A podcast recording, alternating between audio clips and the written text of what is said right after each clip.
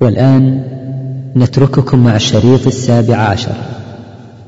الحمد لله رب العالمين وصلى الله على إمام المتقين وقائد الغر المحجلين والشافع المشفع يوم الدين صلى الله عليه وعلى آله وصحبه أجمعين. وبعد فقد قال الإمام الترمذي رحمه الله تعالى في كتابه الشمائل المحمدية باب ما جاء في عيش رسول الله صلى الله عليه وسلم.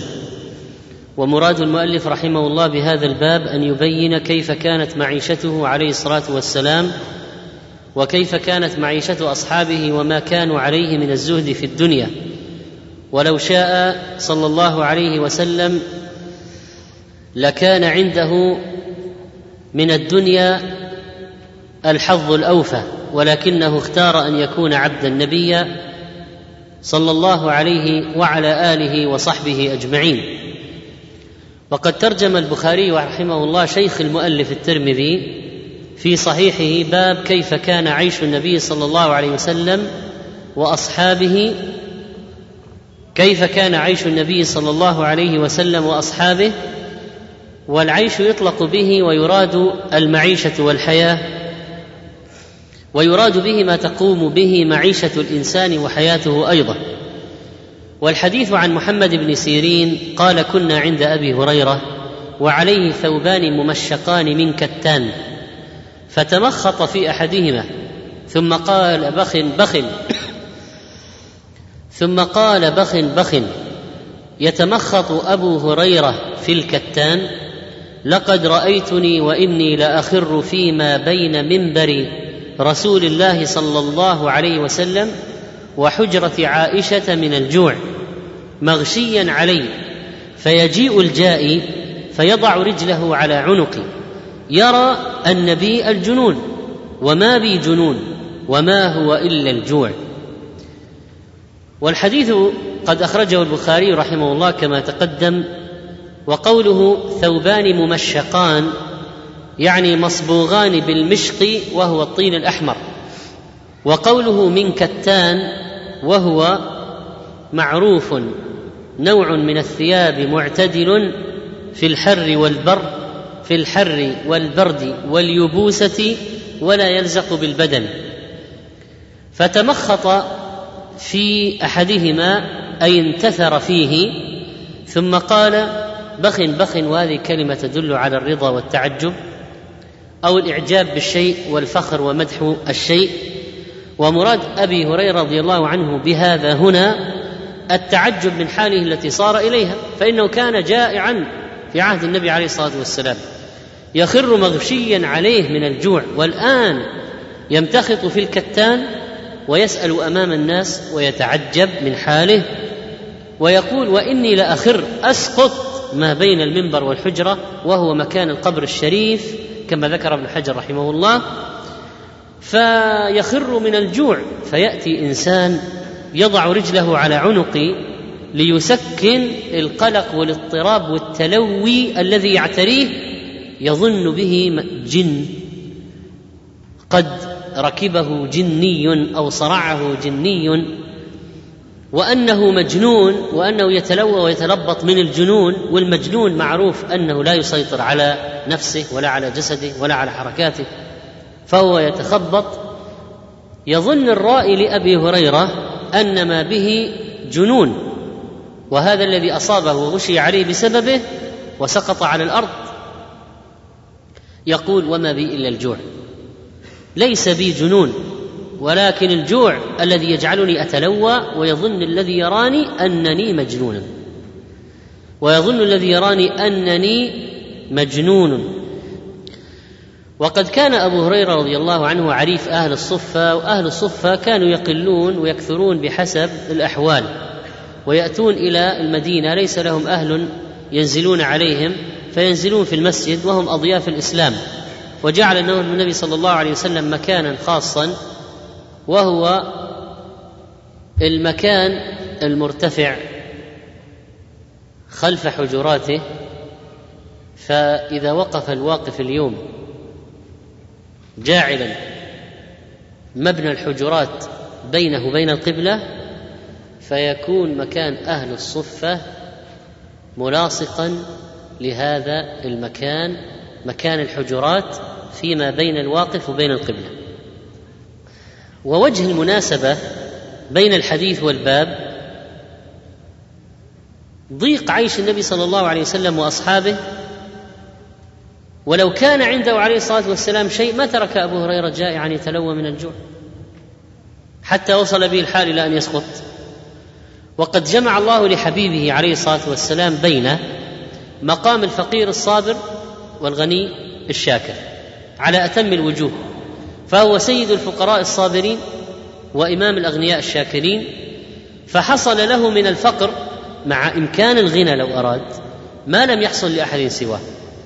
ومن الشكر على الغنى ما لم يقدر عليه غيره. ومن سبر سيرته وجد الأمر كذلك. فكان أصبر الخلق في مواطن الفقر وأشكر الخلق في مواطن الغنى. فجمع له بين الأمرين في حياته. ففي هذا الحديث بيان ما كان عليه النبي صلى الله عليه وسلم وأصحابه من الشدة وضيق العيش وأن الشدة وضيق العيش لا يدلان على هوان العبد على ربه. كما أن الساعة لا تدل على كرامة العبد وقد قال الله سبحانه وتعالى في كتابه فأما الإنسان إذا ما ابتلاه ربه فأكرمه ونعمه فيقول ربي أكرمن وأما إذا ما ابتلاه فقدر عليه رزقه. فيقول ربي اهانا كلا ليس الأمر كذلك. والفقر وشدة الفقر ليست عذرا للتخلف عن طلب العلم فمع أن أبا هريرة كان يتلوى من الجوع ويسقط ماشيا عليه لكن كان يحضر المجالس ويحفظ ويواظب يحضر رضي الله تعالى عنه. بل كان ألزم الناس لمجالس النبي عليه الصلاة والسلام وأحفظ الصحابة قاطبة لحديثه عليه الصلاة والسلام على الرغم من تأخر إسلامه وكثيرون ممن واظبوا على العلم وعندهم سعة في الدنيا لا يتلوون من الجوع ما حصل لهم مثل علمه رضي الله عنه. وكما لم يكن الفقر مانعا لسلفنا عن طلب العلم فكذلك لم يكن مانعا لهم عن الجهاد. وقد سبق في حديث البخاري لقد فتح الفتوح قوم ما كانت حلية أحدهم. لقد فتح الفتوح قوم ما كانت حلية سيوفهم الذهب ولا الفضة إنما كانت حليتهم العلابيه والآنك والحديد. وفي الحديث أن من صفات عباد الله أن أنهم يتذكرون نعمة الله عليهم ومهما تقلبت بهم الأيام وتحسنت أحوالهم وازدادت أموالهم وترفهت ثيابهم ومطاعمهم فانهم لا ينسون فإنهم لا ينسون ما كانوا عليه. إن الكرام إذا ما أيسروا ذكروا من كان يألفهم في المنزل الخشن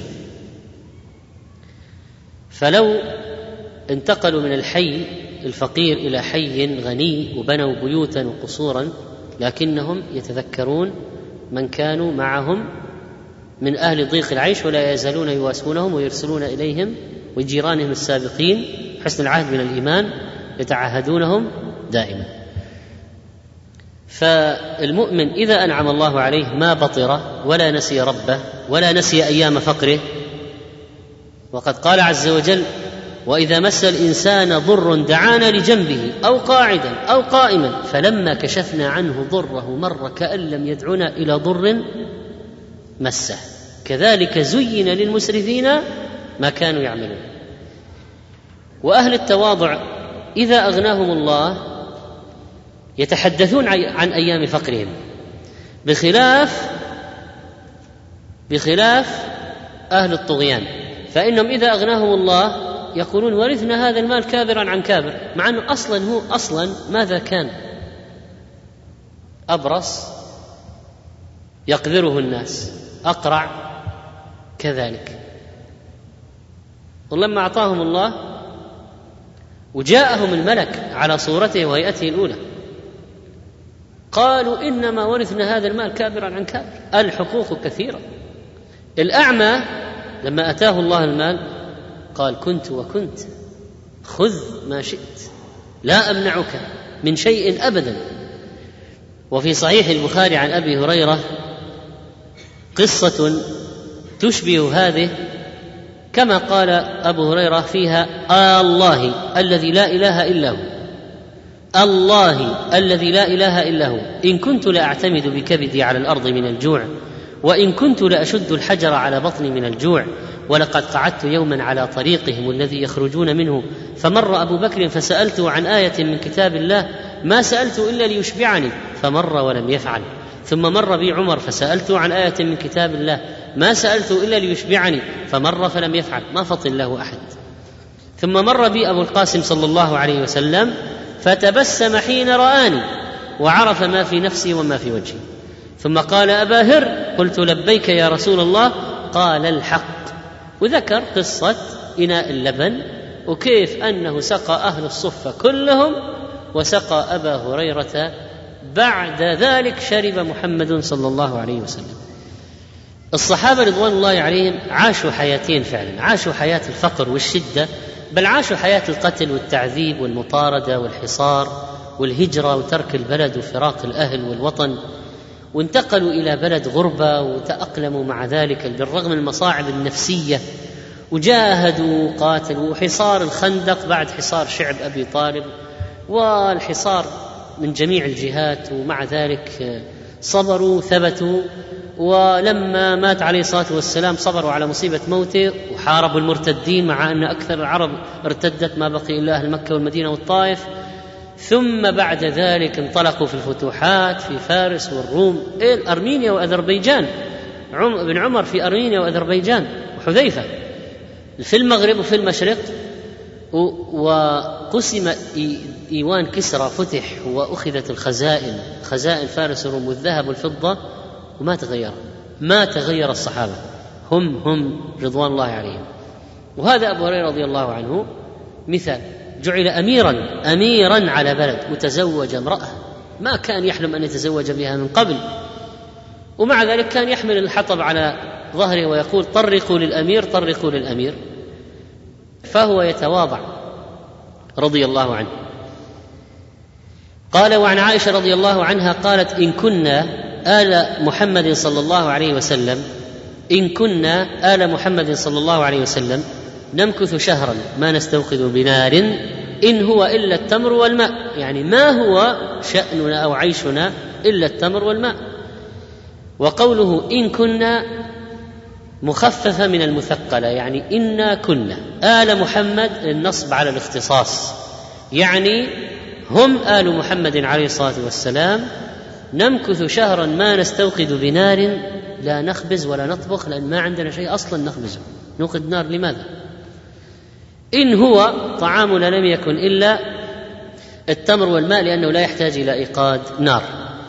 وفي رواية أن تلك الحال كانت ربما استمرت بآل بيت النبي صلى الله عليه وسلم شهرين كاملين مو يوم ولا يومين شهرين.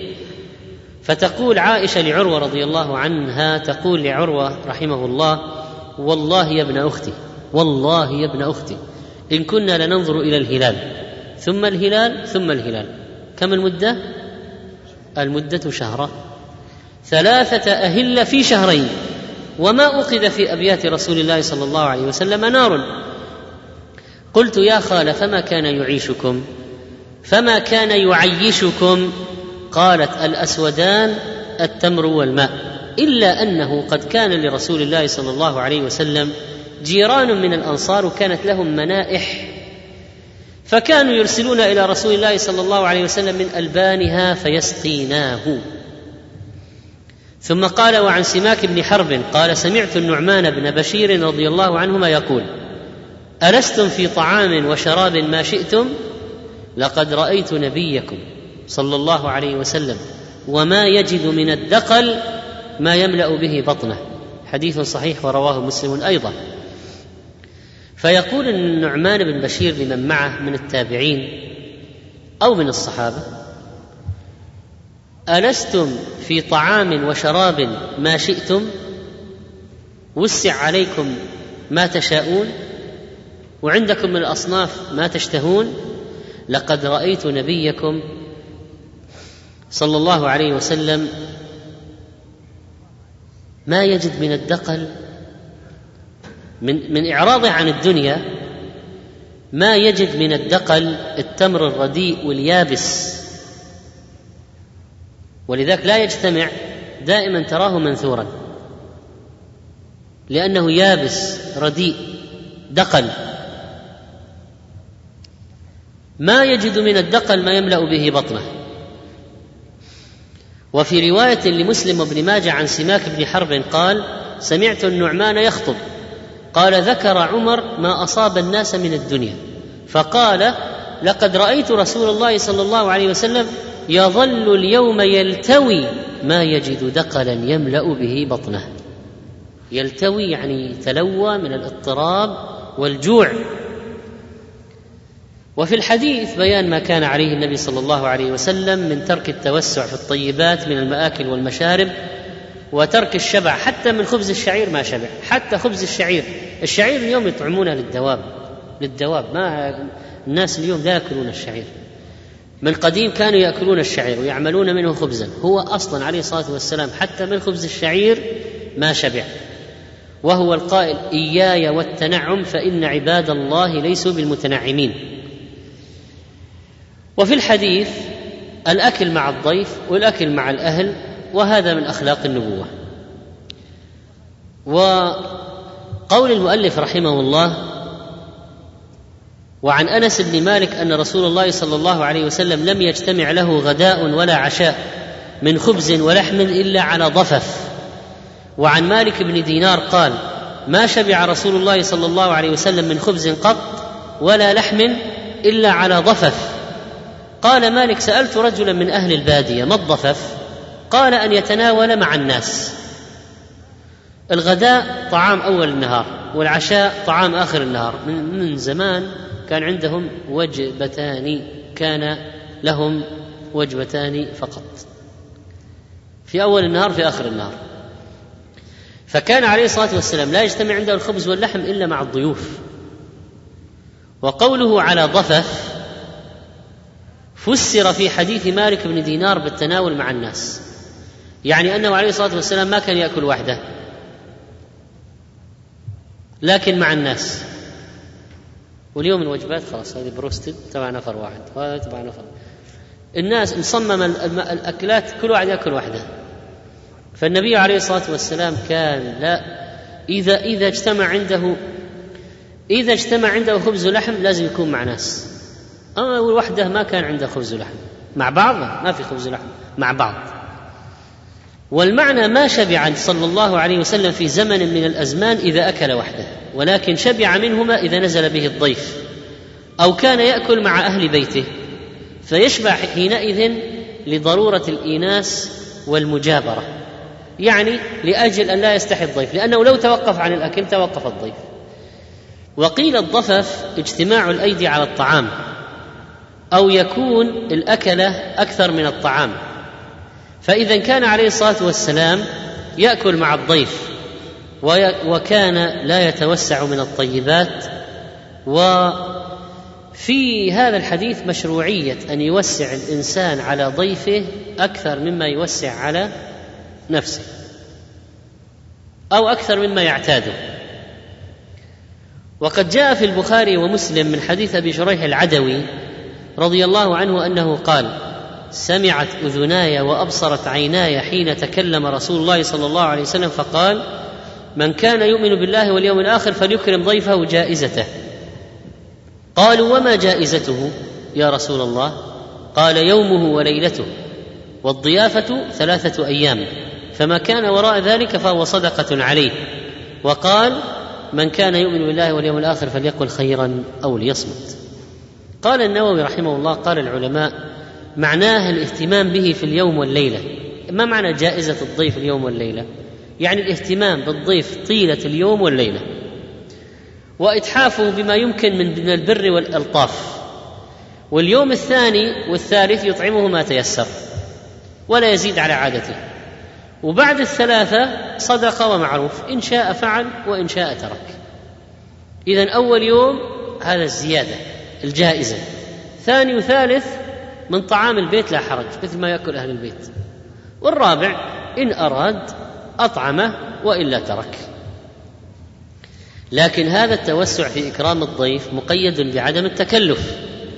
لحديث البخاري عن أنس قال كنا عند عمر رضي الله عنه فقال نهينا عن التكلف. وعند الحاكم من حديث سلمان رضي الله عنه نهانا عن التكلف للضيف. قال النووي معنى النهي محمول على ما يشق على صاحب البيت مشقة ظاهرة لأن ذلك يمنعه من الإخلاص وكمال السرور بالضيف.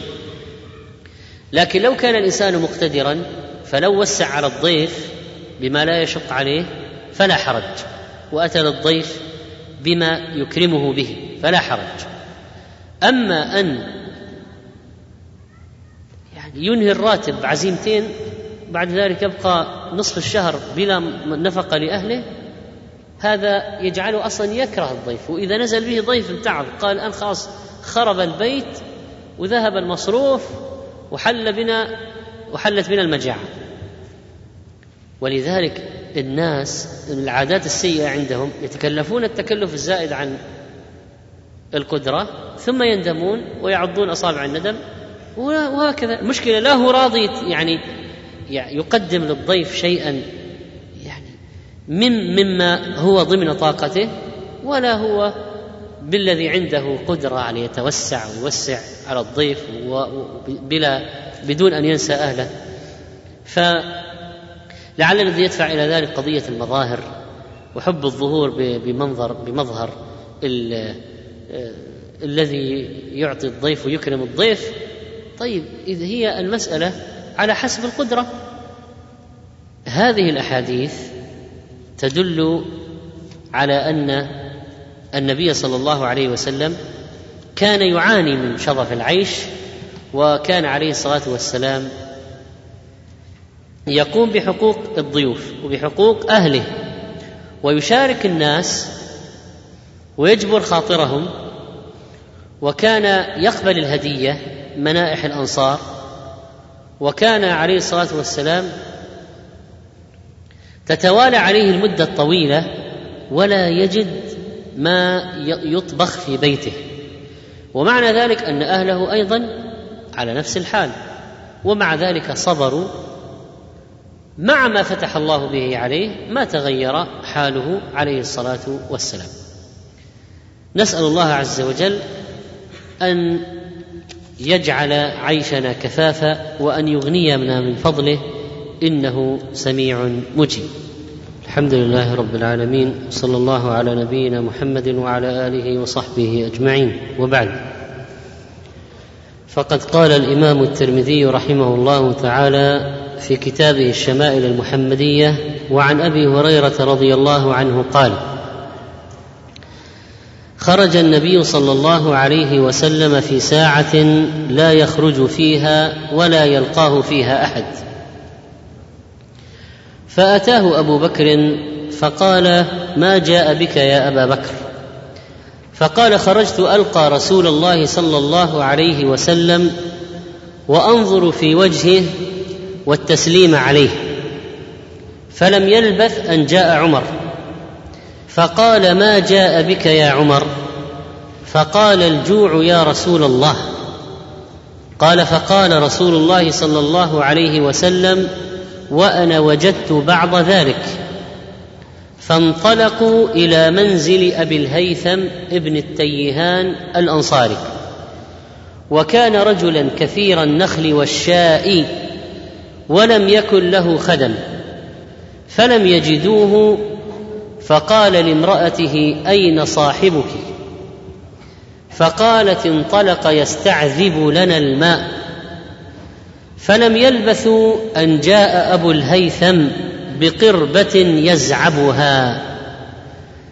فوضعها ثم جاء يلتزم النبي صلى الله عليه وسلم ويفديه بأبيه وأمه.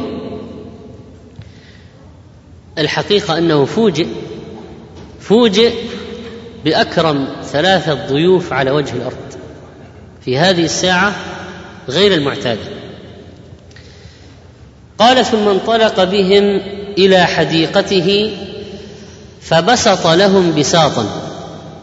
ثم انطلق إلى نخلة فجاء بقنو فوضعه. فقال النبي صلى الله عليه وسلم أفلا تنقيت لنا من رطبه؟ بدلا من أن تقطعه كله بدلا من أن تقطعه كله كان انتقيت لنا بعض الرطب فيه.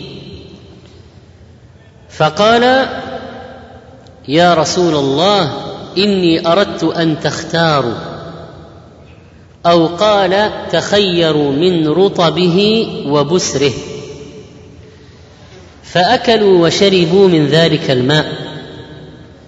فقال رسول الله صلى الله عليه وسلم هذا والذي نفسي بيده من النعيم الذي تسألون عنه يوم القيامة. ظل بارد ورطب طيب وماء بارد. فانطلق أبو الهيثم ليصنع لهم طعاما. فقال النبي صلى الله عليه وسلم لا تذبحن ذات در. قال فذبح لهم عناقا أو جديا فأتاهم بها فأكلوا. فقال النبي صلى الله عليه وسلم هل لك خادم؟ قال لا. قال فإذا أتانا سبي فأتنا. فأتي النبي صلى الله عليه وسلم برأسين ليس معهما ثالث. فأتاه أبو الهيثم فقال النبي صلى الله عليه وسلم اختر منهما. فقال يا نبي الله اختر لي. أنت اختر لي. فقال النبي صلى الله عليه وسلم إن المستشار مؤتمن. خذ هذا فإني رأيته يصلي. خذ هذا فإني رأيته يصلي. واستوص به معروفا. فانطلق أبو الهيثم إلى امرأته فأخبرها بقول رسول الله صلى الله عليه وسلم فقالت امرأته ما أنت ببالغ فيه ما قال النبي صلى الله عليه وسلم إلا أن تعتقه. يعني كيف تصنع به معروفا؟ ما هو ماذا يمكن أن يكون المعروف؟ أحسن شيء من المعروف أن تعتقه. قال فهو عتيق. فقال النبي صلى الله عليه وسلم إن الله لم يبعث نبيا ولا خليفة إلا وله بطانتان. بطانة تأمره بالمعروف وتنهاه عن المنكر وبطانة لا تألوه خبالا. ومن يوق بطانة السوء فقد وقي. حديث صحيح. وقد رواه مسلم رحمه الله أيضا مختصرا. وفي هذا الحديث قوله خرج رسول الله صلى الله عليه وسلم في ساعة لا يخرج فيها يعني في وقت غير معتاد أن يخرج فيه ولا يلقاه فيها أحد لم يكن أحد ليدخل عليه في حجرته في هذا الوقت. وعند ابن أبي حاتم كما قال ابن كثير خرج رسول الله صلى الله عليه وسلم عند الظهيرة فوجد أبا بكر في المسجد. وفي هذا أنه ينبغي مراعاة عادات الناس وأحوالهم وتحين الأوقات المناسبة لملاقاتهم وزيارتهم خاصة فيما يكون بين المعلم والمتعلم. قال ابن عباس رضي الله عنهما وجدت عامة علم أصحاب رسول الله صلى الله عليه وسلم عند هذا الحي من الأنصار. إن كنت لأقيل بباب أحدهم أنام القيلوله على بابه. ولو شئت أذن لي لو شئت طرقت عليه وأنا ابن عم رسول الله صلى الله عليه وسلم لو شئت طرقت عليه وأذن لي لقرابتي من رسول الله صلى الله عليه وسلم. ولكن أبتغي بذلك طيب نفسه أن لا ألقى العالم أو الشيخ إلا وهو طيب النفس حتى يعطيني أحسن ما عنده وحتى يكون منشرحا لتعليمي بخلاف ما لو جئته وأزعجته واتيت في وقت غير مناسب ويتبرم ويتضايق ولذلك قالوا المتعلم يأتي المعلم في أحسن الأوقات لكي يكون صدره منشرحا لتعليمه. وقوله ما جاء بك يا أبا بكر؟ يعني في هذا الوقت إشارة إلى أن أبا بكر رضي الله عنه مع أنه وزير النبي صلى الله عليه وسلم الأول إلا أنه كان يراعي عادة النبي عليه الصلاة والسلام ولا يأتيه في وقت على خلاف العادة. وأن أبا بكر كان يخرج حين يخرج النبي عليه الصلاة والسلام ويدخل حين يدخل النبي صلى الله عليه وسلم. فقال خرجت ألقى رسول الله صلى الله عليه وسلم وأنظر في وجهه والتسليم عليه. فلم يلبث أن جاء عمر وسأله فقال إن الذي أخرجه هو الجوع. وفي رواية مسلم أن النبي عليه الصلاة والسلام قال لهما ما أخرجكما من بيوتكما الساعة؟ قال الجوع. ما أخرجكما من بيوتكما هذه الساعة؟ قال الجوع يا رسول الله. فكأن الجوع أخرج الصديق من بيته فأراد النظر إلى وجه النبي عليه الصلاة والسلام يتسلى يقول أنا جائع وأنظر إلى وجه من هو أفضل مني فأتسلى بوجهه برؤيته عن ما أجد من مس الجوع. معنى ذلك أن وجه النبي عليه الصلاة والسلام إليهم كان شيئا عظيما جدا ينسيهم ألم الجوع. لها أحاديث من ذكراك تشغلها عن الطعام وتلهيها عن الزاد. فقال عليه الصلاة والسلام وأنا قد وجدت بعض ذلك والذي نفسي بيده لأخرجني الذي أخرجكما كما في رواية مسلم. وفي هذا مشروعية القسم لتأكيد الأمر عند السامع والحلف من غير استحلاف. وقد زعم بعض الناس كما قال القاري رحمه الله أن هذا قبل فتح الفتوح وهذا زعم باطل فإن راوي الحديث من هو؟ من هو؟ إيه هو أصلا إذا ما عرفت أي راوي يقول أبو هريرة. هو أكبر احتمال يعني أن تصيب. هو أبو هريرة رضي الله عنه. وأبو هريرة متى أسلم؟ بعد فتح خيبر. وفتح خيبر كان فتحا عظيما. انا فتحنا لك فتحا مبينا. هذا الفتح العظيم الذي جاء مقفل النبي عليه الصلاة والسلام من الحديبية. فتح الله عليه وأعطاه أحسن مما لو كان اجتاح مكة وتحارب مع أهلها.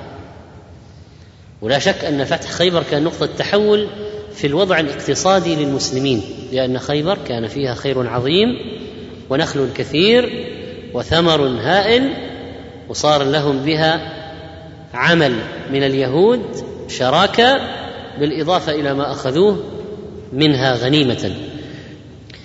وفي هذا ما كان عليه النبي صلى الله عليه وسلم من التقلل من الدنيا. إذا كان هذا الكلام بعد فتح خيبر هو يعني أعظم ثلاثة في الدولة رؤساء الدولة كبراء الدولة قائد الدولة ووزيره الأول ووزيره الثاني أخرجهم من بيتهم الجوع الجوع. وفي أي وقت؟ يعني في بعد فتح خيبر يعني بعد ما حصل رخاء للمسلمين أو نوع من الزيادة وجاءت جاءت بعض الدنيا للمسلمين ومع ذلك فإنه أخرجه الجوع من بيته. هو هو أبو بكر وعمر وعمر. وهذا ما ابتلى الله به نبيه صلى الله عليه وسلم وصاحبيه وهما أحب خلق الله إلى الله مع ذلك ابتلاهم به ابتلاهم بضيق العيش والجوع.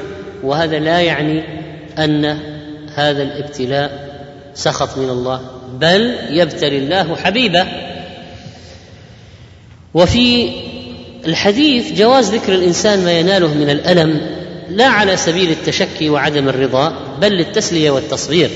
كفعل النبي صلى الله عليه وسلم ها هنا والالتماس دعاء أو مساعدة على التسبب في إزالة ذلك العارض وهذا كله ليس بمذموم. وإذا كان مذموما وإنما يكون مذموما إذا كان من نوع التشكي والتسخط والتجزع. أما واحد يقول لصاحبه والله أنا علي دين. يعني يشتكي اليه أنا في جوع. وهو يقول اخر والله أنا في جوع فاذا إخبار كل إخبار الرجل صاحبه بما يجد من المشقة أو من الألم أو من الضيق لا حرج فيه. متى يكون فيه محظور أو محذور؟ إذا كان على سبيل التشكي والجزع. يا أخي ما شفنا خير يا أخي ما يعني كأن الواحد ما هو راضي بالقسمة. كان ما هو راضي بالعيشة. ليش الحظ يجي معنا كذا؟ ليش القدر كذا؟ وليش الرزق؟ وليش؟ ولي ولا يسأل عما يفعل وهم يسألون. وقوله فانطلق قوله فانطلقوا إلى منزل أبي الهيثم وأبو الهيثم اسمه مالك رضي الله عنه وقال عليه الصلاة والسلام لهم قوموا فقاموا إلى رجل من الأنصار وفي هذا جواز الإدلال على الصاحب الذي يوثق به واستتباع جماعة إلى بيته. يعني لو واحد قال يعني راحوا من غير موعد؟ يعني هجموا على الرجل فجأة؟ يعني ما وأين يعني كيف وين التعامل؟ فيقال إذا كان الصحبة قوية يعني ما يضر لو أنك ما نقول زودتها معه لكن أنك لو أنك جئته من غير ميعاد. يعني إذا أنت كنت تعلم فعلا أنه لا يتبرم ولا يتضاق بل يسر إذا جئته يسر إذا جئت ولو قلت ولو جئت وقلت ترى ما عندي شيء. أنا رامي نفسي عليك. تغديني تعشيني. فإذا كنت تعلم أنه يسر بذلك ويفرح وأن العلاقة قوية فلا حرج. ولو يعني جئت بغير موعد. يعني من باب عدم التكلف. ومع الأسف هذا قليل في هذا الزمان يعني كل ما دخلنا في الحياة المادية أكثر تعقدت الأمور وصارت الأخ... الأخوة كما قال واحد الأخوة تمشي تمشي تمشي تيجي عند الفلوس توقف. تيجي عند الفلوس تقف وهو صحيح. لأنه يعني مجاملات ولا هي أنه لو كان يعني كما قال بعض السلف أيضع أحدكم يده في جيب أخيه فيأخذ ما يشاء؟ قالوا لا. قال فلستم بإخوان كما تزعمون. طبعا هذا ما هو معناه أن الواحد الآن كل واحد على جنبه يحط يده في جيبه اللي جنبه ياخذ لكن معناه يعني هل أنتم يعني تصل بكم الاخوه والعلاقة القوية لهذه الدرجة؟ فقالوا لا. أو كما يقول يقول اللي في جيبك في جيبي بس اللي في جيبي ما هو في جيبي. فينبغي يعني أن يكون الأمر يعني بعض هذا هذا يعني أحوال خاصة أحوال خاصة. يعني الإنسان يعرف عدد من الناس. يمكن يكون واحد اثنين ثلاثة من الخلص الذين لا يجد حواجز نفسية فيما بينه وبينه لكن بعض الناس يفترض أن الآخر مسلم الجمل بما حمل ويأخذ ثم يفاجأ أنه غضب منه. لماذا؟ أنه افترض افتراضا خاطئا. ليس الأمر كذلك. فاذا الناس ضاعوا بين قضيتين التكلف الزائد وبين قضية الاتكاء الزائد. يثقل على صاحبه حتى يمله. كل شيء يقول هات واعطني وسلفني وكذا واضح أنه يثقل عليه. هذا واضح. اذا ليس هذا من هذا ولا داخلا فيه. لكن قد يوجد بين اثنين ثلاثة من الأخوة العالية ما يمكن أن يصل إلى مثل هذه الدرجة. وأبو الهيثم رضي الله عنه بالتأكيد يعني إذا جاءه النبي عليه الصلاة والسلام وابو بكر وعمر في هذه الساعة هو أصلا صاحب خير. عنده شاء وعنده نخل وعنده حديقة. ف يعني لو جاءوه في هذا الوقت ما يعني لن يثقلوا عليه ولن ينقصوا يعني مما عنده نقصا يؤذيه. لا. يعني إذا ذبح لهم شاة من النخل من هذا الغنم الكثير. وإذا كان قطع لهم عذق من هذا النخل الكثير ماذا سيحدث؟ يعني ماذا سينقص؟ فإنسان كريم وغني. لكن المشكلة أنك تأتي واحد فقير محتاج وترمي نفسك عليه. وهذا مسكين هو أصلا يريد أن يرمي نفسه على واحد آخر. وكل واحد يقول للثاني لا تشكيلي لا اشكي لك ولا تدريش لا تزيد ولا أزيد لا أزيد عليك. فاذا يعني المسألة فيها حدود وفيها آه، درجات من الأخوة وينبغي على كل واحد أن يضبط نفسه ويعرف صاحبه جيدا. قوله وكان رجلا كثير النخل والشاء أي الغنم والشاء جمع شاة. وعند ابن أبي حاتم هل بكما من قوة تنطلقان إلى هذا النخل فتصيبان طعاما وشرابا وظلا؟ قلنا نعم. قال مروا بنا إلى منزل ابن التيهان. فقالوا لامرأته أين صاحبك؟ وفي رواية فلما رأته المرأة قالت مرحبا وأهلا. فقال رسول الله صلى الله عليه وسلم أين فلان؟ اذا يجوز سؤال المرأة الأجنبية أين زوجها وأن يراجعها الكلام عند الحاجة وإذا كانت تعلم أن زوجها يأذن لهذا في بيته جاز أن تدخلهم إليه وخصوصا في هذه الحالة ما في خلوة هم ثلاثة ثلاثة وليست هناك خلوة ولا تبرج. فيجوز اذا إذا كانوا جماعة وتعلم أن زوجها يأذن لهم وأنه يحب أن يدخلوا يمكن لو قالت لهم انتظروا عند الباب يمكن يغضب زوجها.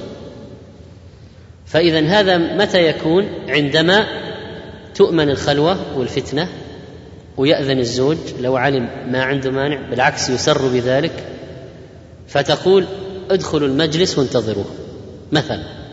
وقولها ذهب يستعذب لنا الماء يبحث عن ماء عذب ليأتينا به وكان أكثر مياه المدينة مالحا كما قال بعض العلماء. وفي سنن أبي داود عن عائشة رضي الله عنها أن النبي صلى الله عليه وسلم كان يستعذب له الماء من بيوت السقيا. قال قتيبة هي عين بينها وبين المدينة يومان. رواه أبو داود وصححه الألباني. وفي هذا مشروعية طلب الماء العذب. وكان النبي عليه الصلاة والسلام يدخل إلى بيرحاء ويستقي من ماء عذب فيها وهي قبالة المسجد. وهذا لا ينافي الزهد ولا كمال الزهد. قل من حرم زينة الله التي أخرج لعباده والطيبات من الرزق؟ على أن النبي صلى الله عليه وسلم كان يفعل ذلك أحيانا أو نادرا لبيان الجواز وما كان يعني حريصا عليه وكل يوم يضيع وقته في آه، البحث عن المياه العذبة وعن لا هذا شيء يحصل أحيانا أحيانا. قل من حرم زينة الله التي أخرج لعباده والطيبات من الرزق؟ قل هي للذين آمنوا في الحياة الدنيا خالصة يوم القيامة. كذلك نفصل الآيات لقوم يعلمون. وقوله في الحديث يزعبها أي يتدافع بها وهي ممتلئة يحملها ويميل ويتدافع بها لثقلها. لأن الإنسان إذا حمل شيئا وصار يمشي صار كأنه يندفع بهذا الشيء إذا كان ثقيلا. وفي هذا الحديث أن خدمة الإنسان لأهله بنفسه لا تنافي المروءة بل هو من كمال التواضع. وفي البخاري عن الأسود قال سألت عائشة ما كان النبي صلى الله عليه وسلم يصنع في بيته؟ قالت كان يكون في مهنة أهله تعني خدمة أهله فإذا حضرت الصلاة خرج إلى الصلاة. وفي مهنة أهله يعني في خدمة أهله وهذا فيه ترغيب في التواضع وترك الكبر وخدمة الرجل لزوجته.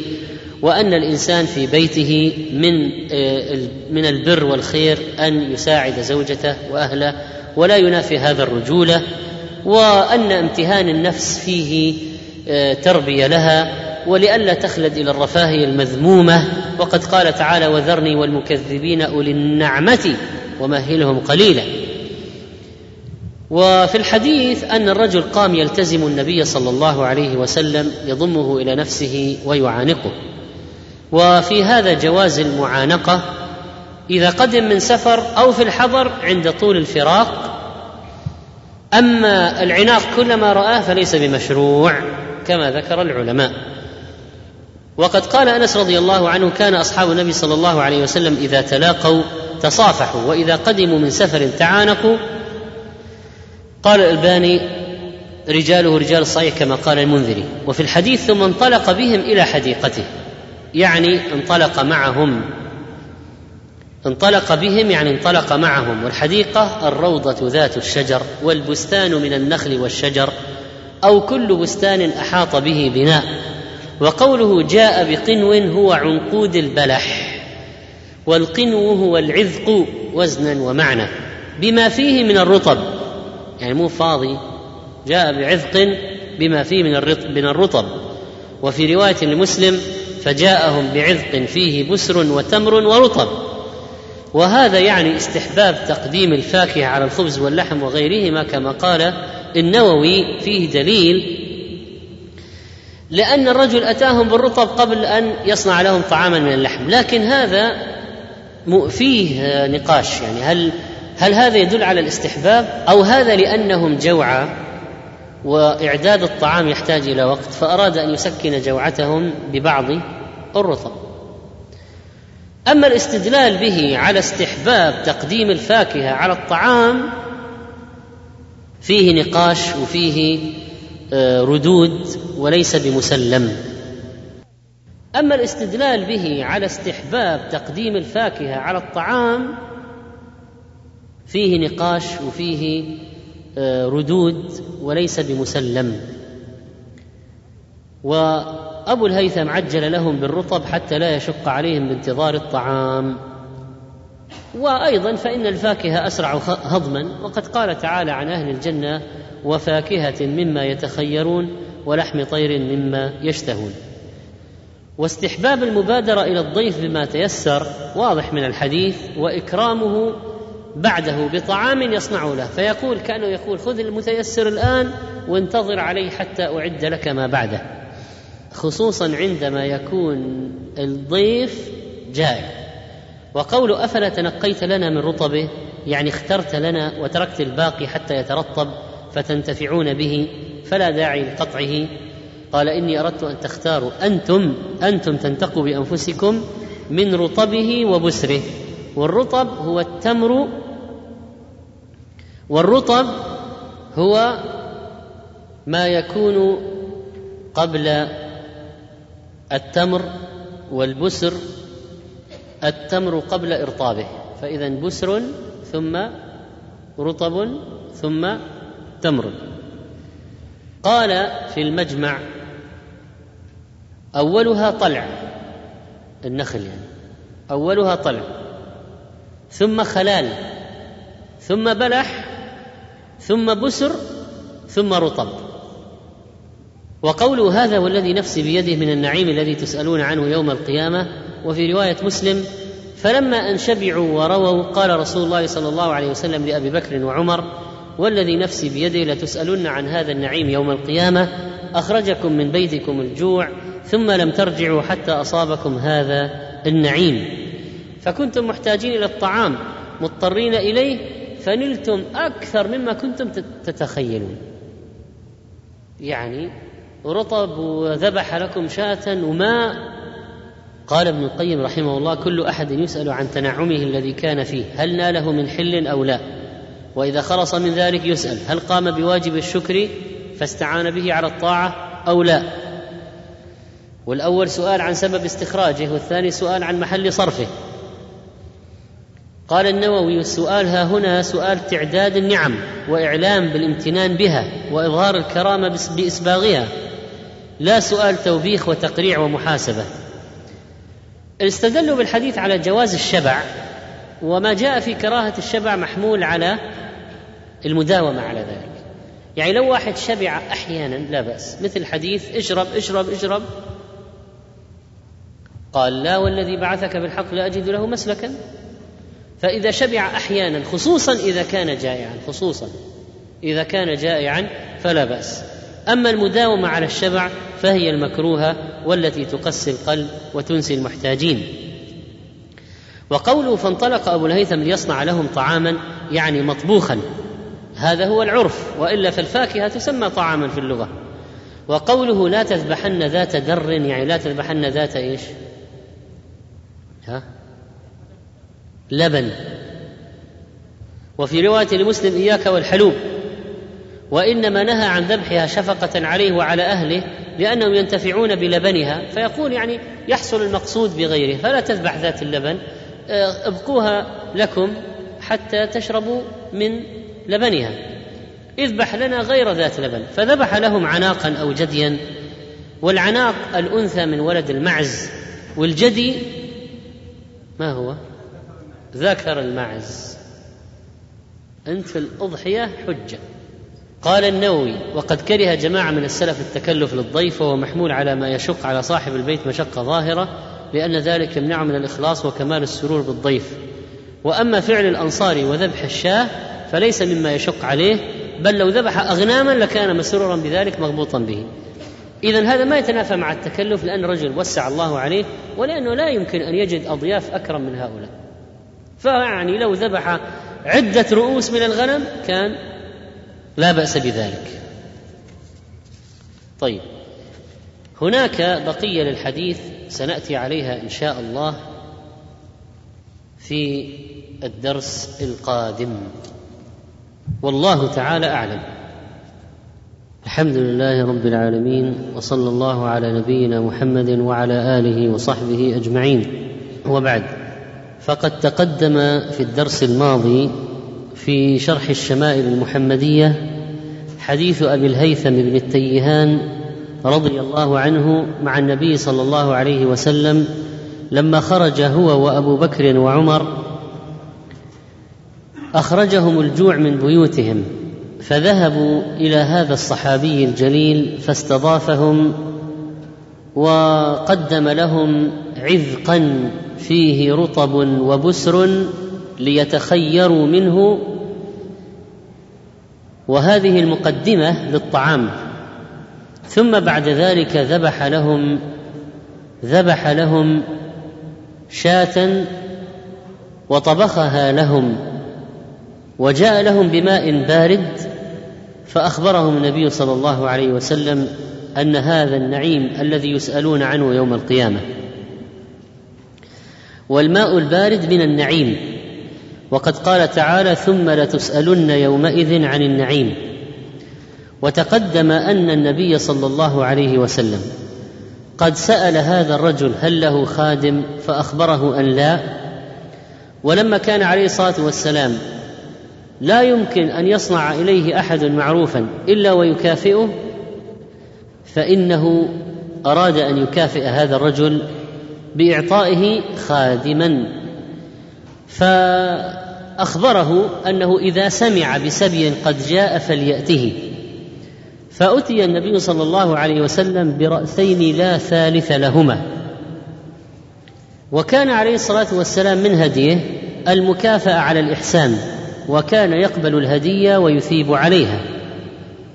وأرشد أمته إلى ذلك كما جاء في الحديث الصحيح الذي رواه أبو داود عن عبد الله بن عمر رضي الله عنهما قال قال رسول الله صلى الله عليه وسلم من صنع إليكم معروفا فكافئوه فإن لم تجدوا ما تكافئونه فادعوا له حتى تروا أنكم قد كافأتموه.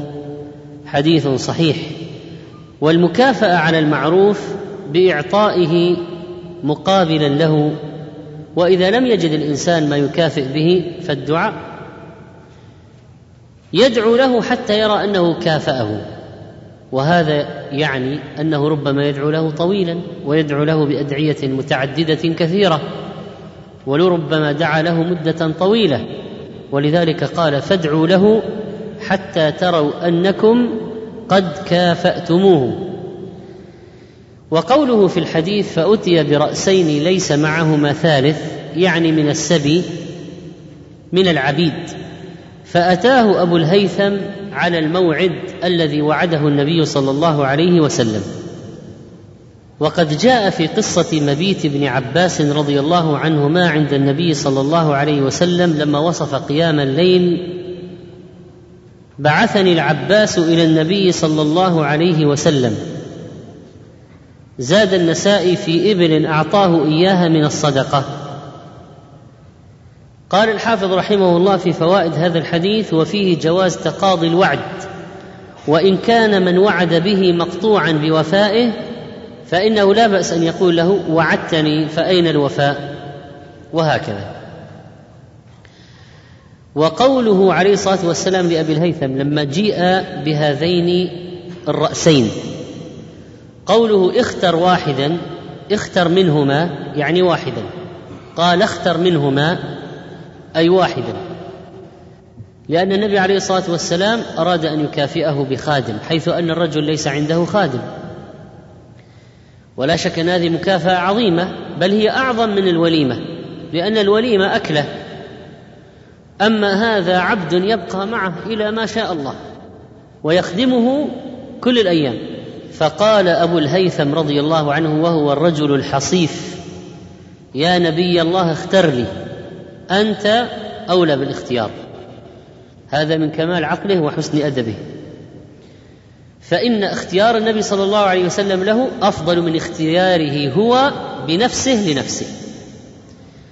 فقال النبي صلى الله عليه وسلم توطئة وتمهيدا لما سيختاره له إن المستشار مؤتمن والمستشار الذي تطلب منه المشورة. الاستشارة طلب الرأي. طلب الرأي فيما فيه المصلحة. هذه هي الاستشارة. فلو قال إنسان لآخر أريد أن أستشيرك. يعني أريد أن آخذ رأيك لتدلني على المصلحة. ما هي؟ المصلحة في الدين والمصلحة في الدنيا. فقال النبي صلى الله عليه وسلم إن المستشار مؤتمن. مؤتمن يعني أن هناك من ائتمنه. فمن هو الذي ائتمنه؟ المستشير. المستشير قد ائتمن المستشار لأنه لما طلب مشورته جعله أمينا على هذه القضية التي يريد أن يستشيره فيها. ويلزم المستشار في هذه الحالة رعاية حال المستشير وأن يدله على الصواب والمصلحة والرأي الصحيح. ولا يحل له أن يكتم امرا فيه صلاحه. فإن فعل كان خائنا وليس بأمين. لو واحد استشارك وأنت ما دللته على وجه الصواب والراجح والمصلحة وأنت تعلمها فهذه خيانة. فقوله إن المستشار مؤتمن أي الذي طلب منه المشورة جعله أمينا فيلزمه أن يخلص له في النصيحة وأن يخلص له في الرأي وأن يدله على الصواب وما فيه المصلحة. ويحتاج الناصح والمشير إلى علم كبير كثير وأوله علم الشريعة. والعلم العام المتضمن لأحوال الناس وعلم الزمان وعلم المكان وعلم الترجيح إذا تقابلت الأمور. وهكذا فإن المستشار في الحقيقة عليه مسؤولية كبيرة. والمستشير عليه أن يعرف من يستشير. فلا يذهب إلى جاهل جاهل بالشريعة جاهل بالواقع جاهل بالحياة جاهل بعلم الزمان وعلم المكان. بل يذهب إلى من عنده علم بالشريعة اولا وعنده أيضا علم بالحال والواقع والزمان والمكان وأحوال المستشير مثلا حتى يستطيع أن يستخلص له النصيحة والرأي الصحيح. وقد يكون ما يصلح في زمان لا يصلح في غيره وما يصلح في مكان لا يصلح في غيره وما يصلح لشخص لا يصلح لغيره. ولذلك الواحد ممكن يدل الاشخاص المختلفين على أشياء مختلفة. والنبي عليه الصلاة والسلام سأله سائل أي العمل أفضل؟ مرة قال لواحد الإيمان بالله واحد قال الصلاة على وقتها. واحد قال ذكر له شيء آخر. مرة رتب لهم ترتيب مرة رتب له الحج قبل واحد رتب له الجهاد قبل واحد رتب له بر الوالدين قبل. ولماذا؟ لأن هذا له والدان يحتاجان إليه. فقدم له بر الوالدين. والآخر عنده قوة في بدنه وعنده خبرة في القتال ويحتاج المسلمون إليه. فقدم له موضوع الجهاد. واحد قدم له الصلاة على وقتها. هذا رجل ممكن أن يعبد الله العبادة الكثيرة التي تعود على قلبه بالنفع وقد لا يكون عنده من النفع المتعدي ما عند الآخرين فعلى الأقل ينفع نفسه والصلاة خير موضوع. الصلاة خير موضوع فالمستقل والمستكثر فمن شاء أن يستقل ومن شاء أن يستكثر. وهكذا يدل كل واحد على ما هو الأصلح له. وهذا قد يدله على تعجيل الزواج. وهذا قد يقول له أنت تفرغ لطلب العلم. ولو تأجل معك الزواج قليلا. هذا قد يصبر وذاك لا يصبر. هذا عنده مال. فقد يقول له أنت انفع المسلمين بمالك اتجر وتصدق وذاك ما عنده مال وقد لا يحسن التجارة أصلا لكنه قد يحسن امرا آخر كالتعليم فيدله على تعليم أبناء المسلمين ونحو ذلك. ومن المسلمين اليوم من يبدع في طلب العلم ومنهم من يبدع في الإمامة والخطابة. والإلقاء والمحاضرات والدروس ومنهم من يبدع في الأمر بالمعروف والنهي عن المنكر والاحتساب ملاحقة المنكرات ونصح نصح أصحاب المنكرات ومناصحة المسؤولين والشباب. وأسلوبه في الكتابة جيد ولسانه بليغ. وإذا نصح نصح نصيحة مؤثرة فينخرط في هذا المجال. ومنهم من يكون صاحب مهارة بإقامة المشروعات. عنده إدارة جيدة. عنده مبادئ الإدارة علوم الإدارة قيادة الأفراد المهارات القيادية توزيع المهام متابعة المهام تحصيل النتائج توظيف الأشخاص وضع الرجل المناسب في المكان المناسب.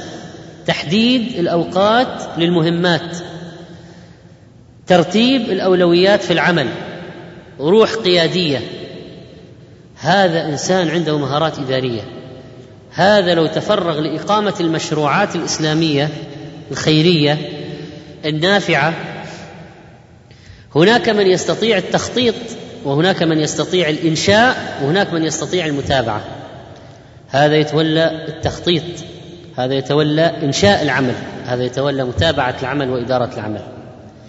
ومنهم من يحسنها كلها واليوم المسلمون بحاجة ماسة جدا إلى الطاقات الإدارية اليوم. الشخصيات الإدارية التي تستطيع أن تحدد الهدف وتضع الخطط للوصول إلى الهدف. تستطيع أن ترتب الأشخاص في أماكنهم المناسبة. وأن توزع الأعمال عليهم وأن تتابع هذه الأعمال وتحصل النتائج. ولذلك فإن توجيه هؤلاء الأشخاص إلى المجالات الإدارية للمشروعات الإسلامية مهم جدا. ومن الناس من يستطيع تحصيل المال إما أن يتاجر وإما أن يحصله من غيره فيكون هذا مدد للمشروعات الإسلامية. هناك مشروعات دعوية هناك مشروعات علمية هناك مشروعات إغاثية. المشروعات الإسلامية مختلفة. تحتاج إلى تمويل. هذا الشخص ممكن أن يتجر فيمول أو يجمع المال للتمويل. فله صلات. ومن أنواع الصدقات العظيمة في هذا المك... في هذا الوقت الصدقة بالصلات. هذا له صلات مع أشخاص أصحاب مسؤوليات سلطات أموال وجاهات فيتصدق بصلاته على المشاريع الإسلامية. فيبذل جاهه وشفاعاته وعلاقاته من أجل إنجاح المشروعات الإسلامية. ففي ناس أصحاب علاقات عامة يستطيعون إفادة المشروعات الإسلامية بعلاقاتهم العامة. فصدقته بعلاقاته العامة من أعظم الصدقات. وقد يتسبب في نفع عظيم هو نفسه لا يعلم مداه ومن الناس من يكون إبداعه في توليد الأفكار. ذهنه ينقدح من أصحاب العقليات الابتكارية فهو يبتكر يجدد لك اسلوبا ويعطيك فكرة لمشروع ويقول هذا ثغرة موجودة في الواقع لماذا لا يكون هناك مشروع لسدها؟ فإذا من الناس من عنده قدرة على توليد الأفكار. ومن الناس من عنده قدرة على تسويق الفكرة فيأخذ لك فكرة مشروع إسلامي ويسوقها. ويوجد لها من الداعمين الإداريين والماليين. ومن الناس من يكون عنده مجهودات علمية فهو ينفع المشروعات الإسلامية بعلمه. فيستطيع أن يأتي لها بالفتاوى التي تحتاجها لأن المشروعات الإسلامية في الغالب يتولد عنها أسئلة. هل يجوز تمويل المشروع هذا بالزكاة؟ من الزكاة مثلا هل يجوز؟ هل يجوز استثمار أموال التبرعات؟ هل هناك ضوابط؟ أو لا يجوز نهائيا؟ وهكذا. ما من مشروع إلا ويحتاج الأمر إلى الاستفتاء فيه. من الناس من عنده عفة يصلح أن توليه على مشاريع الزواج ولكن منهم من لا يصلح ابدا أن يتولى هذا. ولو أنه وضع فيه فسد وأفسد. من الناس من يصلح في تحفيظ القرآن وعنده أسلوب جيد في تلقين الأولاد وهو جذاب للأولاد. يعني أنه يحسن استجلاب قلوبهم واستنصاتهم وأن يحمسهم للحفظ. ومنه ومنهم من لو أعطيته ولدا واحدا لا طفش أو طفش منه. ولذلك الناس الناس قدرات. وكل أصحاب كفاءات. ما في مسلم إلا يستطيع أن يقدم في شيء من الأشياء. ولذلك من المهم جدا أن يكون للمسلم عطاء.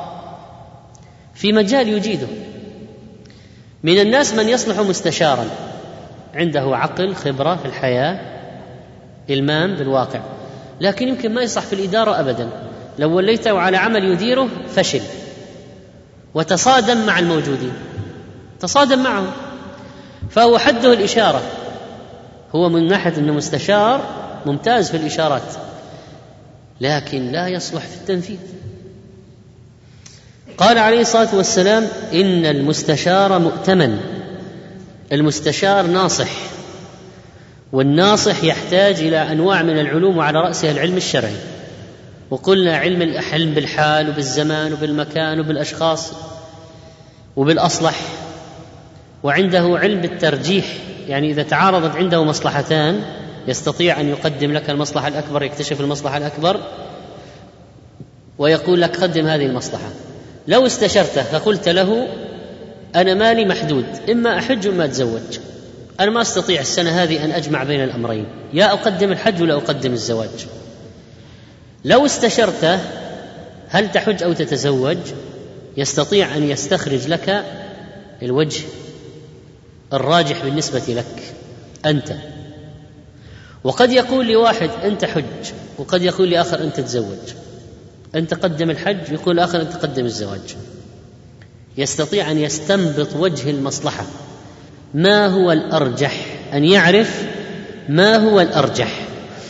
ومن الناس من عنده علم السياسة. وليس المقصود بالسياسة دائما ما تنصرف إليه الأذهان من الأخبار والتحليلات والجرائد. لا. السياسة يعني سياسة النفوس. يعني كيف يسير بالأشخاص يدير الأشخاص يسوس الرعية يسوس الأشخاص. هذه علم السياسة. ولذلك هناك سياسة الخيل ويقال هذا سائس الخيل فعنده علم بسياسة الخيل. وسياسة الرعية كيف إذا عنده رعي تحته رعية يستطيع أن يسوسهم كيف يديرهم ويعدل بينهم؟ هذه سياسة. وليست فقط سياسة ان واحد يكون عنده ثقافه بالأخبار وبالحوادث العالمية وبالعلاقات الدولية ليس هذا فقط. السياسة الحقيقية أنت الآن في بيتك ممكن تكون سياسي ناجح جدا في سياسة زوجتك واولادك ممكن تكون من أفشل السياسيين لأنك لا تسوس ولا حتى سائق البيت. وينبغي على الإنسان أن يتعلم كيف يسوس رعيته. هذا علم السياسة من العلوم التي يحتاج إليها في المشورة.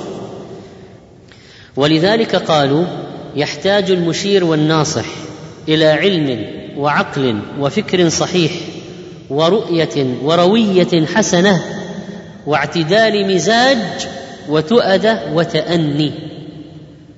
لو واحد ما عنده اعتدال مزاج يعني مزاجه حار فهذا كيف يقدم لك مشورة؟ إنسان عصبي. يعني لو ما وجد أحد يتخانق معه تخانق مع نفسه. هذا ما يستطيع أن يعطيك الإشارة المشهوره الصحيحة. فهذه الخصال قالوا من توفرت لديه فيكون مستشارا ناجحا. ومن لا فلا يشير. لأنه ما يعرف. لو واحد استشار يقول والله أنا ما أستطيع أن أشير عليك. ما عندي قدرة.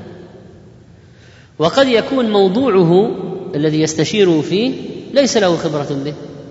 لو جاء واحد الآن قال أنا عندي مؤسسة بترولية وأريد أن أفعل كذا وأنت ما عندك أصلا علم لا بأحوال البترول ولا بعالمه ولا باستثماراته كيف تشير عليه؟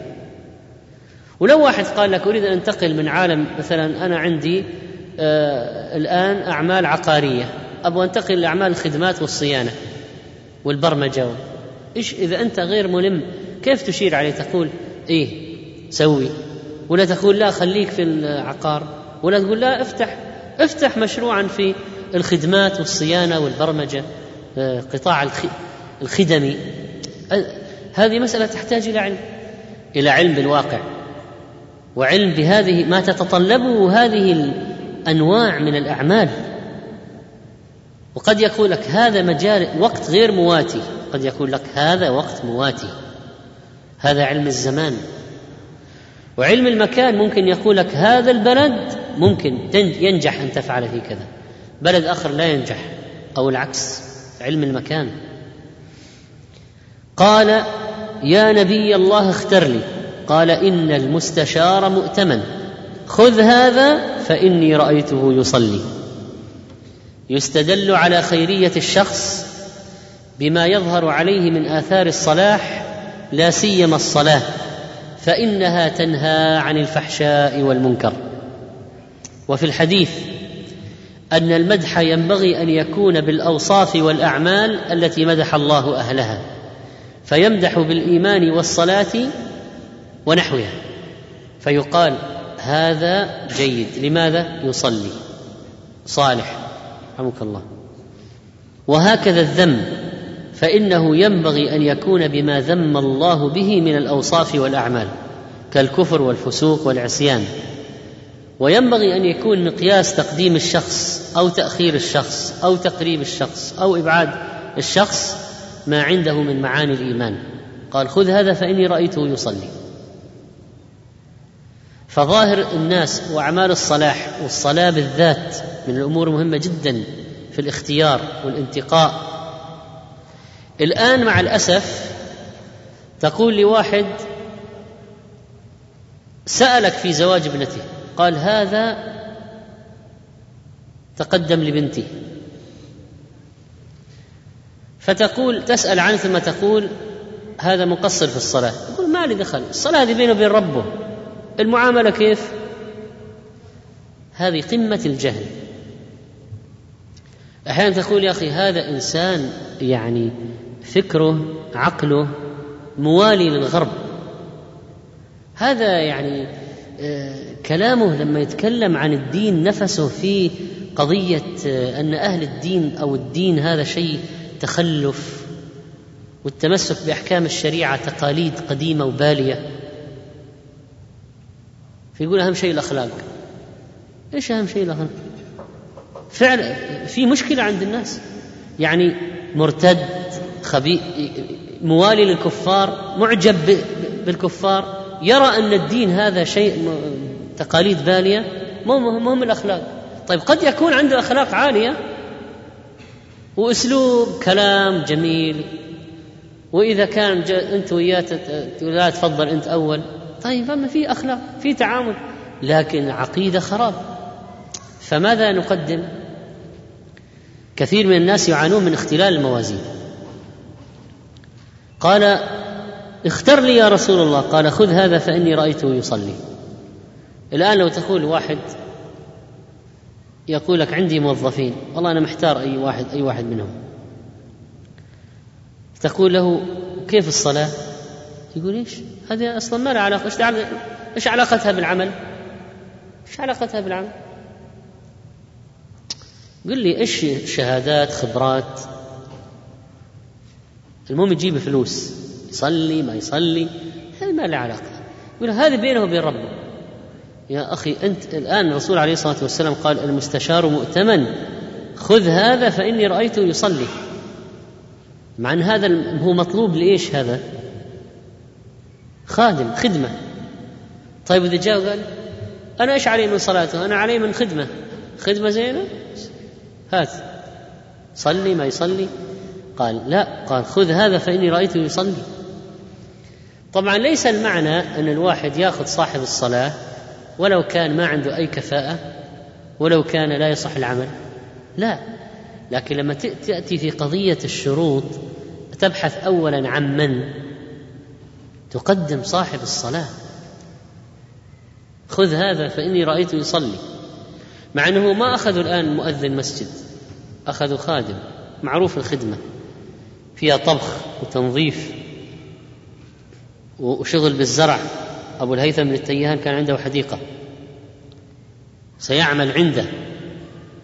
والآن نفسي تقول واحد يقول هذا عندي هذا أو هذا بختار سائق. إيش رأيك؟ أختار سائق إيش هذا ولا هذا؟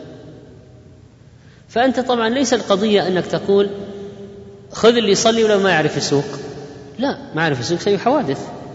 لكن إذا إذا تقاربت عندك في قضية السواقة كفاءات خبرات يقدم صاحب الصلاة ولو جاك واحد مرتد ما يصلي حتى لو كان محترف سواقة يمكن ما توظف. كيف توظف مرتد عندك؟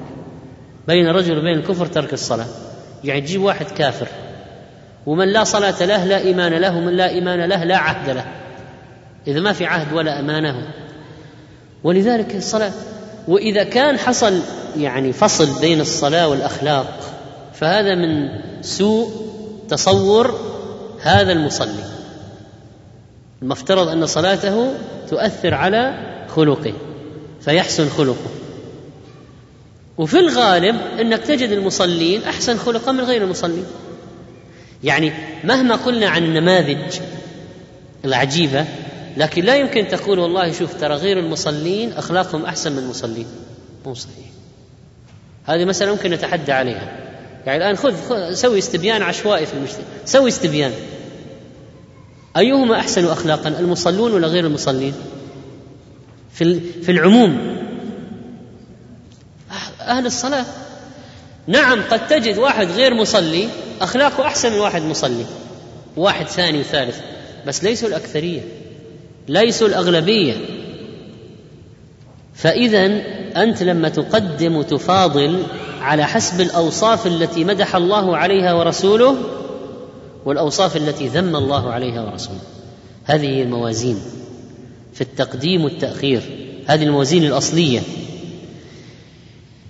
خالد لما كتب لعمر من الشام قال إني أريد أن أستعمل رجلا نصرانيا خبيرا بالحساب والكتابة وقال إلى آخره.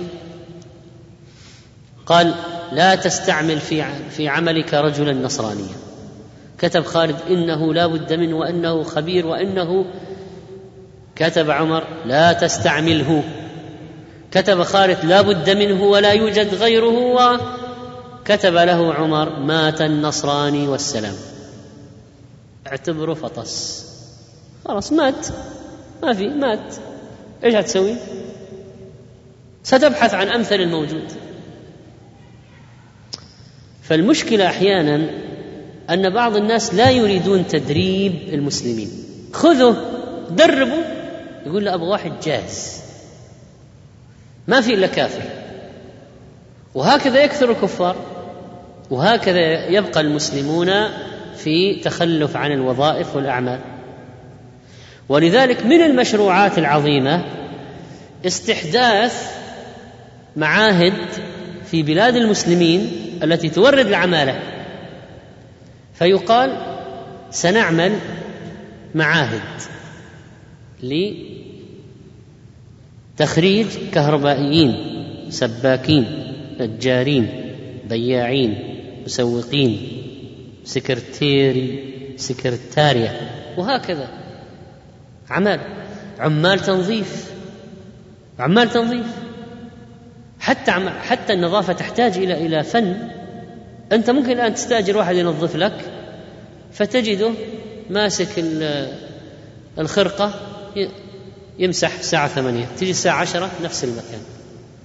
الساعة 11 نفس المكان. ما وتجيب فتجد أن هذه الخرقة التي مسحها يبغى لها مسح. هي. لا ينظف ولا. وسطل هذا الذي غسل به هو هو يمسح فيه عشرين شباك. ولذلك آخر الشبابيك أوسخ من قبل أن يبدأ بها. لأن عليها كل الغبار تراكم والأوساخ من الشبابيك الأخرى. ما في. إيه ما في أمانة حتى التنظيف حتى أعمال التنظيف. ما ينظف لا ينظف جيدا. وإذا وكلت يمسح شاشة الكمبيوتر وشاشة التليفون ما تظهر الأرقام أصلا. فإذا آه، يعني وجود الإتقان في العمل من أسبابه التدريب.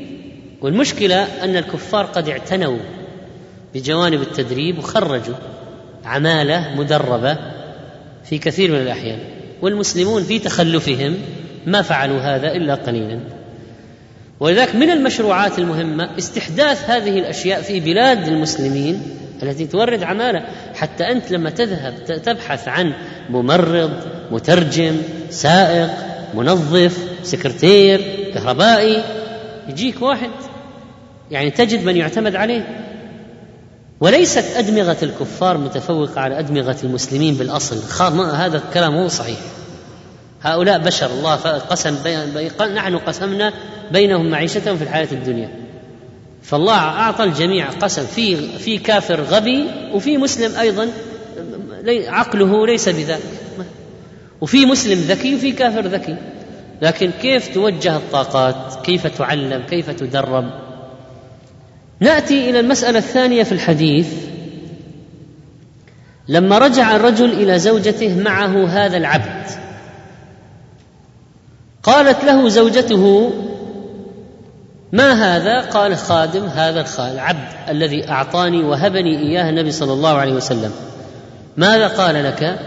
قال أمرني أن أستوصي به معروفا. يعني اقبل وصيتي فيه وأحسن ملكته بالمعروف. طبعا هذا فيه الوصية بالخدم والعبيد والضعفاء وأن الإنسان يرحم وأن يرحمهم إذا استعملهم. ولا يشغله كالآلة بدون إراحة ولا طعام بل فيه الوصية بالمصلين وأهل الصلاح. المرأة الآن لما سمعت كلمة واستوصي به معروفا ماذا قالت لزوجها؟ مع لاحظ الخادم هذا سيريحها هي أيضا. سيريحها هي أيضا. فقالت المرأة لزوجها ما أنت ببالغ حق ما قال فيه النبي صلى الله عليه وسلم إلا بأن تعتقه. ما يمكن تنفذ الوصية بأحسن من عتق هذا الرجل. قال لك الرسول صلى الله عليه وسلم استوصي به معروفا. أحسن شيء في الوصية أن تعتق هذا الإنسان. طبعا عتق هذا الإنسان سيخرجه عن ملكه. فمهما أحسنت إليه واستوصيت به معروفا لن يكون أفضل من أن تعتقه. ولما علم النبي عليه الصلاة والسلام بهذا لأن الرجل أعتقه على رأي زوجته قال هو عتيق على مشورة الزوجة هو عتيق فالنبي عليه الصلاة والسلام قال إن الله لم يبعث نبيا ولا خليفة إلا وله بطانتان. بطانة تأمره بالمعروف وتنهاه عن المنكر وبطانة لا تألوه خبالا. فبعد قضية الاستشارة تأتي إلى موضوع البطانة. نأتي إلى موضوع البطانة. من هي بطانة هذا الرجل؟ المرأة. بطانته زوجته. مثل الوزير الذي يشير ويبدي رأيه.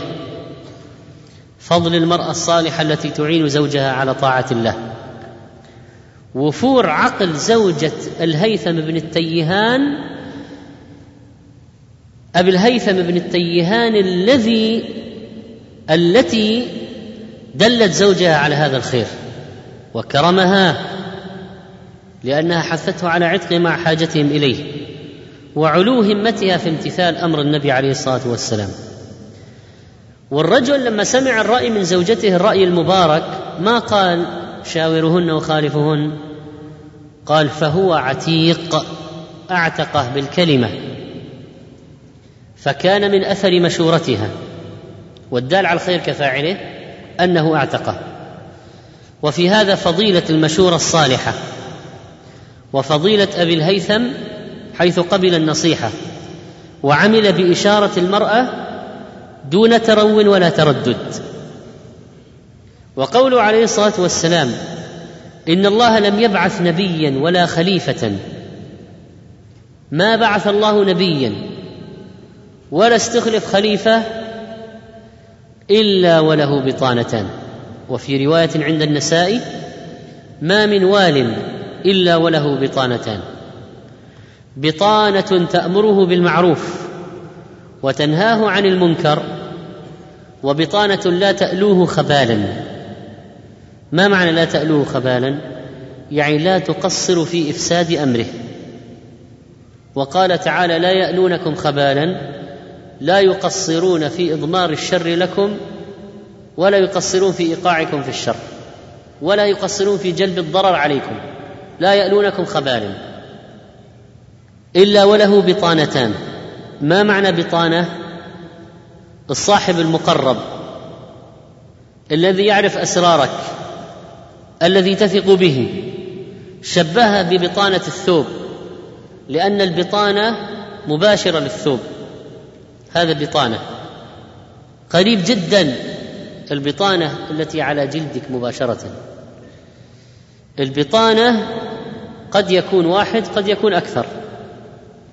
البطانة الذي يطلع على باطن حالك وليس على ظاهر حالك على باطن حالك الذي يعرفه. قال ما من وال إلا وله بطانتان.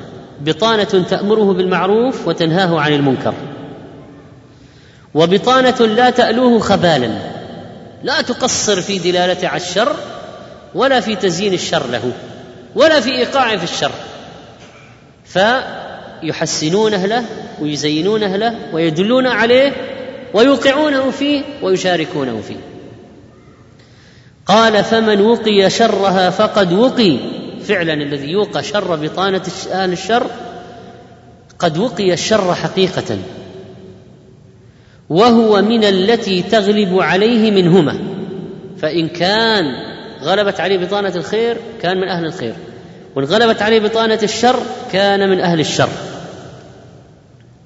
والمعصوم من عصمه الله تعالى. وقد جاء في الحديث الذي رواه النسائي عن عائشة مرفوعا وصححه الألباني من ولي منكم عملا فأراد الله به خيرا جعل له وزيرا صالحا. إن نسي ذكره وإن ذكر أعانه. من ولي منكم عملا فأراد الله به خيرا جعل له وزيرا صالحا. إن نسي ذكره وإن ذكر أعانه. وهذا الحديث فيه الحث على مصاحبة الأخيار والظفر بهم الزوجة وغير الزوجة. واتخاذ الرفقاء الصالحين وأن يكونوا هم أهل سرك ومشورتك وهم بطانتك وجلسائك. وهم المقربون منك. إذا أدنيتهم أمروك بالخير وحثوك عليه. وإذا أدنيت الأشرار زينوا لك المنكر. وفيه التحذير من أهل السوء وأن الإنسان لا يدنيهم من نفسه لا الزوجه ولا غيرها. لا يجعل له إخوان سوء. قال ومن يوق بطانة السوء يعني يعصمه الله منها فقد وقي وقي الشر كله. وهذا الحديث فيه إثبات أن الله تعالى هو الذي يعصم من شاء وأن الإنسان لا تعصمه نفسه إذا ما عصمه ربه. وإذا عصمه ربه وقاه حتى شر نفسه الاماره بالسوء. وفيه الإيمان بالقدر وأن كل شيء بقدر من الله وفيه افتقار العبد إلى الله أن يوفقه لأهل الخير وأن يصرف عنه أهل الشر. يعني ينبغي عليه أن يسأل ربه هذا أن يوفقه لبطانة الخير ويصرف عنه بطانة الشر. هذا كان شرحا لحديث أبي الهيثم بن التيهان الذي ساقه الإمام الترمذي رحمه الله تعالى في كتاب الشمائل المحمدية. والحديث القادم هو حديث سعد بن أبي وقاص رضي الله عنه. نسأل الله تعالى أن يجعلنا من أهل سنة نبيه صلى الله عليه وسلم والله تعالى أعلم.